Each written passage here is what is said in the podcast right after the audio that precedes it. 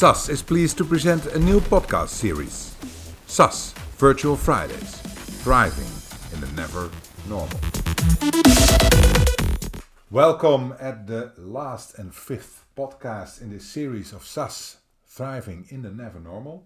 Today titled Facing or Faking Reality. I'm with Ivy van der Heijden. Ivy, what do you have for us today? This is the last one, Steph, and there Peter has two experts, uh, Tom van de Weghe and Fijoy Vadakkumpadan, to share their view on the current infodemic, you could say. Uh, so today, even in these times, we cannot even be sure what's real and what's not.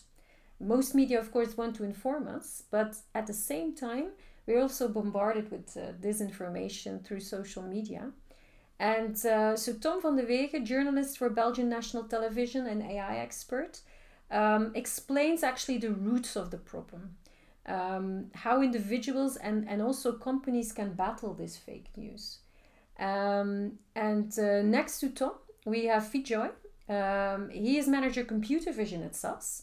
And computer vision is, is actually a very important part of, of fighting fake news. So he talks about um, interpretation of information. How should how can AI actually find uh, fake news and and how can you take the decisions what's fake and what's real? So he offers some cases and examples and uh, shares how organization uh, have used actually data science to battle this disinformation uh, both inside but also outside of their own uh, structures. Well, in these times, um, we all should listen to this um, let's enjoy. 10 years from now, we'll probably look back at the year 2020 and the years ahead as a time of huge disruption caused by the following three big developments disinformation, artificial intelligence, and COVID 19. In fact, taken all together, we already live in an age of what we call an information disorder just remember how, not so long ago, the promise of the digital age encouraged us to believe that so many online positive changes would happen when we lived in hyper connected communities, able to access any information we needed just with a click or a swipe. Today, this idealized vision has been replaced by a recognition that our information ecosystem is now dangerously polluted and is dividing rather than connecting us. From imposter websites that look like professional outlets to sock puppet accounts that post memes on Instagram to click farms that manipulate social media platforms or foreign agents that want to interfere in elections.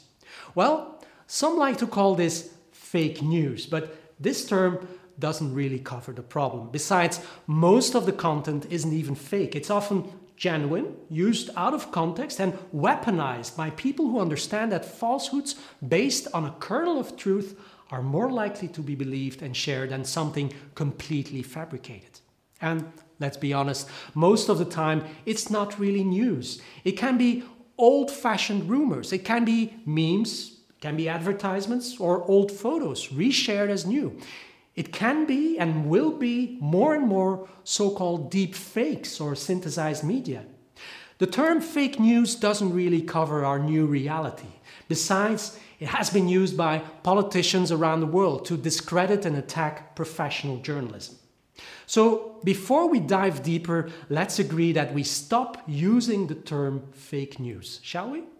Okay. Now, what we've seen over the last months has been extraordinary. In fact, related to the whole COVID 19 disinformation tsunami that we got hit by, since the beginning of this year, the World Health Organization was calling this already an infodemic before they even spoke of a pandemic.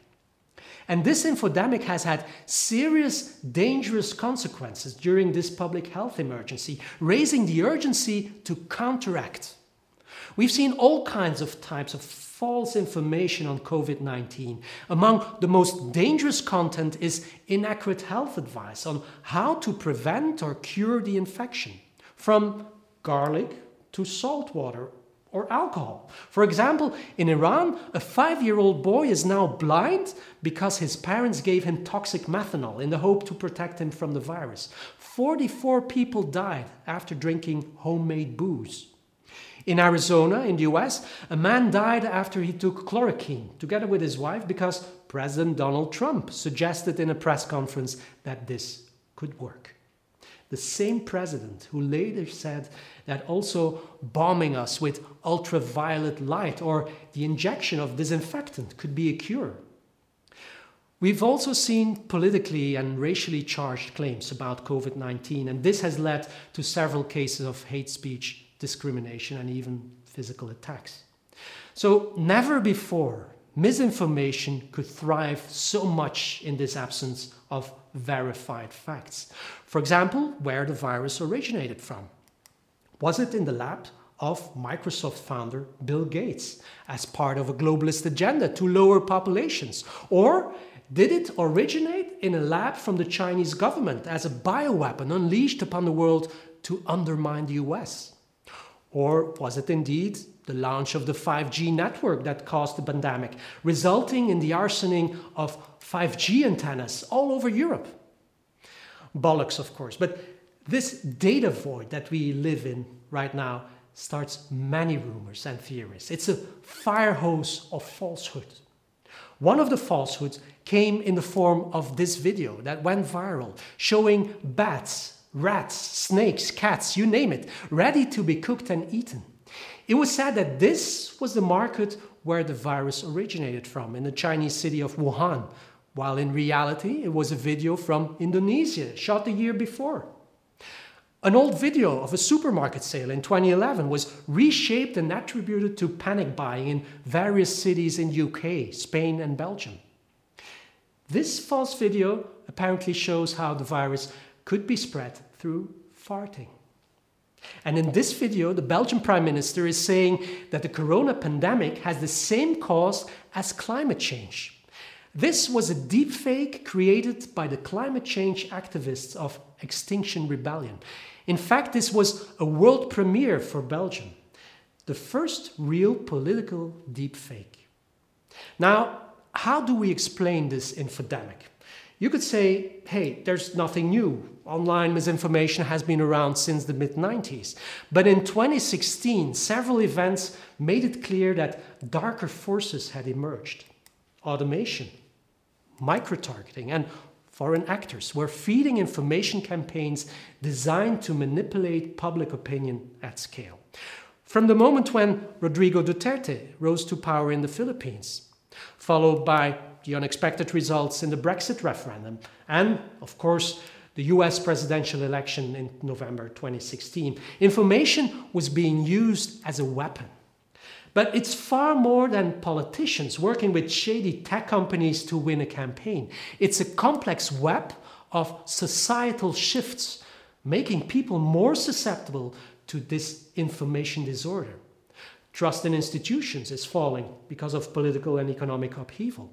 The effects of climate change are becoming more pronounced, polarizing society even further.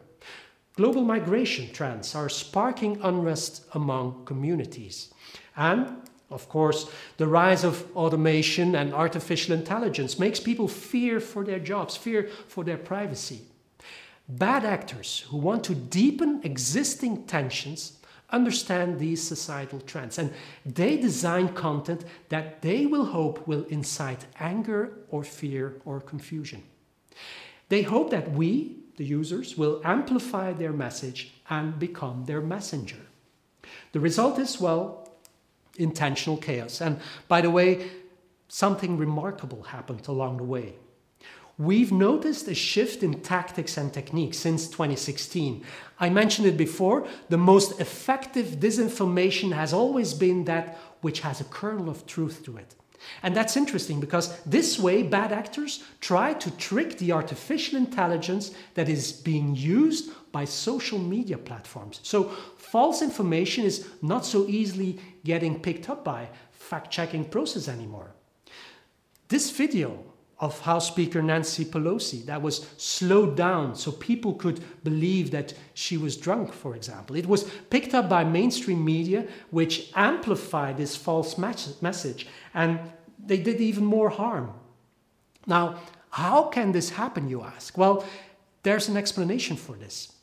Research has found that our brains are wired to rely on heuristics or mental shortcuts to help us judge credibility. We believe what we already heard of, or have seen, or have been told. As a result, repetition and familiarity, oh, I've seen this before, are two of the most effective mechanisms for ingraining misleading narratives. We've seen a lot coming together in this COVID 19 infodemic, but in this case, there's another explanation too. People are having an emotional response to what they experience. Almost everybody on the planet has been scared as hell by this virus, and this stops us from being critical. People are also trying to be helpful in these uncertain times, and they start to share information that is often misleading or false. They share without thinking. And this is leading to even more confusion, even more noise. So, neuroscientists have shown that we are more likely to remember information that appeals to our emotions. As a species, we are also hardwired to gossip. Psychologists have shown that gossip to humans is akin to behavior gorillas display in groups. While they pick fleas of each other to connect, we connect by sharing information, sharing rumors, conspiracy theories, and fabricated content. People like to feel connected to a tribe, a tribe that could consist of people who like to share food pictures or members of the same political party or climate change activists or even parents that don't vaccinate their children. Now, just like this new coronavirus, this information disorder will not easily go away. But let's try and see how we can help and solve this. It's easier said than done, of course, but we've seen already all kinds of hopeful signals over the last months. Social media companies have taken steps to promote factual content and combat misinformation. WhatsApp has made it more difficult to forward messages to multiple groups, while platforms such as Twitter and Facebook increase their capacity to detect and stop posts that are seen as misleading, collaborating with fact checkers around the world. So, yes, tech companies they play a huge role in stemming the tide of misinformation, and I'm very glad to see that they are working on it. But we have to realize that this cannot be solved by engineers alone or by algorithms. More is needed.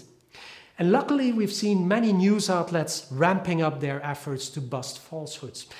At the Belgian VRT, where I work, we now have a dedicated team of fact checkers, and these checks are a 24 hours job. We've never had a story like COVID 19 where the facts are changing so quickly. Uh, there's also a challenge of which misinformation is worth debunking and which ones are we given even more fuel to spread. And we use the latest technology, and for example, we launched a chatbot where people can ask questions about news that they doubt. But fact checking alone is not enough. As a research fellow at Stanford University, I've been trying to find technological solutions to detect doctored media or deepfakes. How can we use artificial intelligence to fight media created by artificial intelligence? It's not an easy process, it will take time as we are in an AI arms race.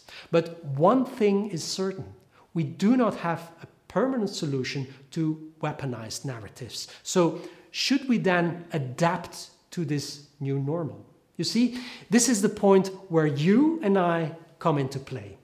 We need to build societal resilience. We need a society that cares about correct information. Now, one powerful tool that some experts believe in is shame. We have to make sharing misinformation as shameful as drunk driving, they say. We have to get people to think that they are littering by forwarding stuff that is not true. But keep in mind, shaming people could also be counterproductive. It can actually reinforce their beliefs. So, hey, why don't we show more empathy? Personally, I'm a strong believer of teaching people emotional skepticism.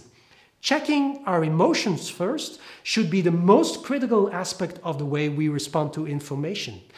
Any information that makes us incredibly angry or scared or cry or even makes us buy stuff, we should be suspicious of. Just take a deep breath and stop. Don't share. Precisely like a vaccine can fight a virus, we need a vaccine against an information disorder. We have to inoculate people against digital pollution. But this will take time, of course. In the end, I think you'll agree that having well informed citizens should be as important to our survival as having clean air and clean water. If we cannot come together around this as a society, hand in hand with technology, it's our due. Thank you. As announced in the intro, we will now listen to Fijoy Vadakkumpadan. Thank you, Tom, for so thoughtfully describing the problem of misinformation facing the world today. We at SAS think that analytics can help address some of these challenges. I fully agree with Tom in that a classification of news into just two categories, fake and not fake, is not an accurate reflection of reality. News is a lot more nuanced than that. It would be great if, given a news article, we can somehow extract that kernel of truth from that article. But there's no such magic truth finding algorithm out there that can do that for us. What analytics can do, given a news article, is to compute some indicators from that news article that statistically correlate with how reliable that article is. If we present these indicators to readers of that article, it can inspire them to filter their emotional response such as anger and fear, through their critical thinking. We believe that this can be a major step towards solving the problem of misinformation. For the rest of my presentation, I'm going to show you live how to use analytics on the SAS platform to inspire news readers to stop and think. Let's take a look. What you're seeing on the screen is the front end of my demo. This is a web user interface. It looks like a typical news outlet, like a social media news feed or a news website. I can browse this interface to look at different articles. You can see that each article is highlighted with a thumbnail image and a part of the article text. Let me switch to my slides so that I can explain the first analytics application I will demonstrate, stock photo detection. As it turns out, sources of misinformation are much more likely to use stock photos than legitimate sources. We leverage this knowledge. Here's how. We take the images in a given news article and perform a reverse image search for those images in a large database of stock photos. The SAS platform allows us to do this quickly, even when the size of the database is in the order of millions of images. Let me demonstrate this by opening one of the articles in the web UI.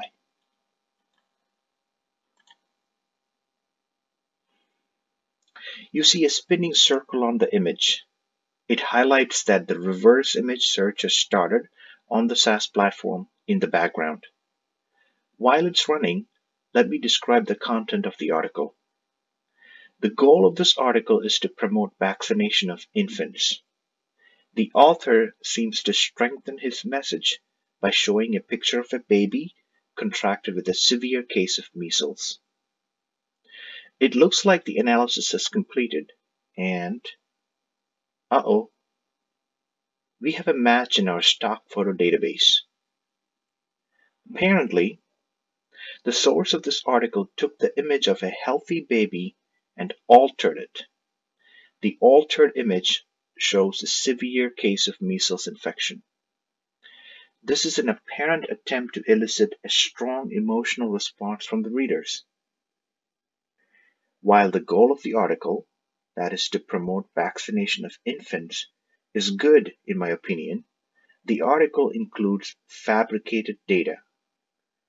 Image analytics on the SAS platform uncovers this nuance and presents it to the readers. This can inspire the readers to stop and think for example, before sharing this article on their social media. Let me now switch back to the slides and demonstrate indicators based on text, another widely used medium for news. The first text-based indicator I will show is title versus text discrepancy. The basis for this indicator is that sources of misinformation are much more likely to use article titles that do not match well with the article text. This is perhaps because these sources involve non-professional writers or use clickbait titles that aren't substantiated by text. To compute this indicator given an article, we take its title and process it through two steps. First, parsing, and then accumulation. You can think of parsing as separating the title into words or tokens. The accumulation step then converts the tokens into a sequence of numbers, which is a vector. At the same time, we process the text of the article through three steps. First step is summarization, which identifies a representative sentence from the text. This representative sentence is then parsed and accumulated similarly to the title. We then compute the angle between the vectors corresponding to the title and text. An angle of 90 degrees means that there is a discrepancy. The entire pipeline shown in this slide can be implemented in the SAS platform out of the box, meaning this is an unsupervised pipeline that requires no training data. The second text-based indicator I will demonstrate is clickbait detection using artificial intelligence. The rationale behind this indicator is the knowledge that sources of misinformation are much more likely to use clickbait titles and text than legitimate ones. To compute this indicator given an article, we process the title and text using artificial intelligence capabilities of the SAS platform. Specifically, we use a deep neural network with two branches, one branch for the title and the other for the text. Each input is processed through a bidirectional recurrent neural network layer, a fully connected layer, and an output layer. The output of the network is a value between 0 and 1.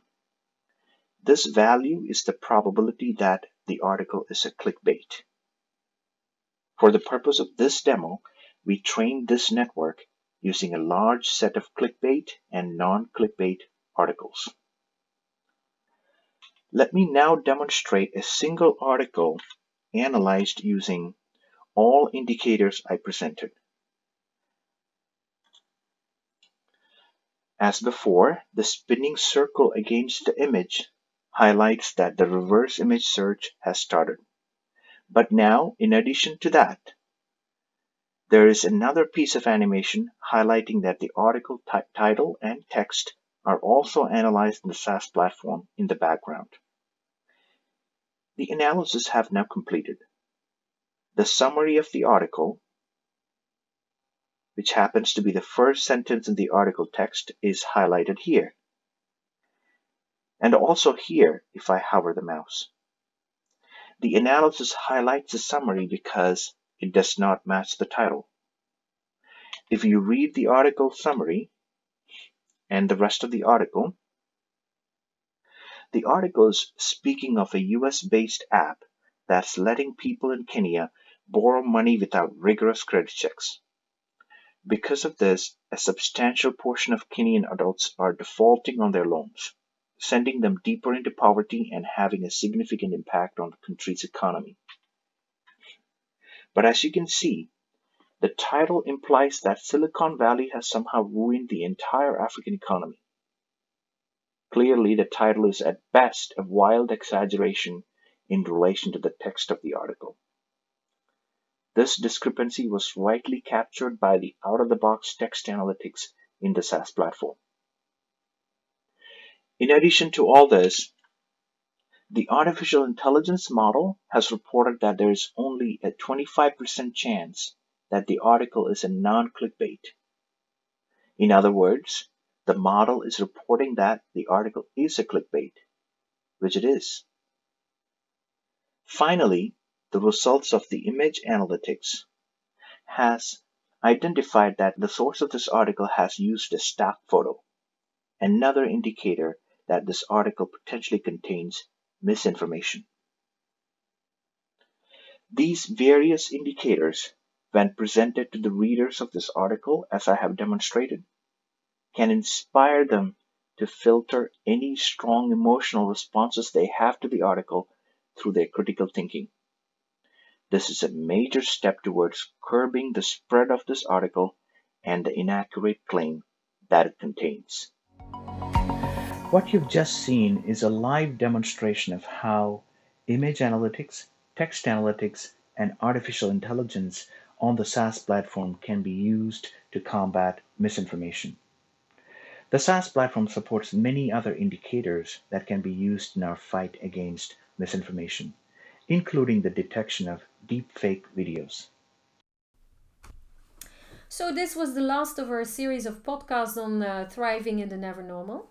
Myself and my colleagues at SAS really hope that you were inspired by uh, these top experts and uh, that you found insights about how your organization can uh, prepare for the never normal of organizing, innovating operations, consumer behavior, problem solving, and communicating. Because Ladies and gentlemen, now more than ever, it is time to prepare for the unpreparable. Thank you all for listening.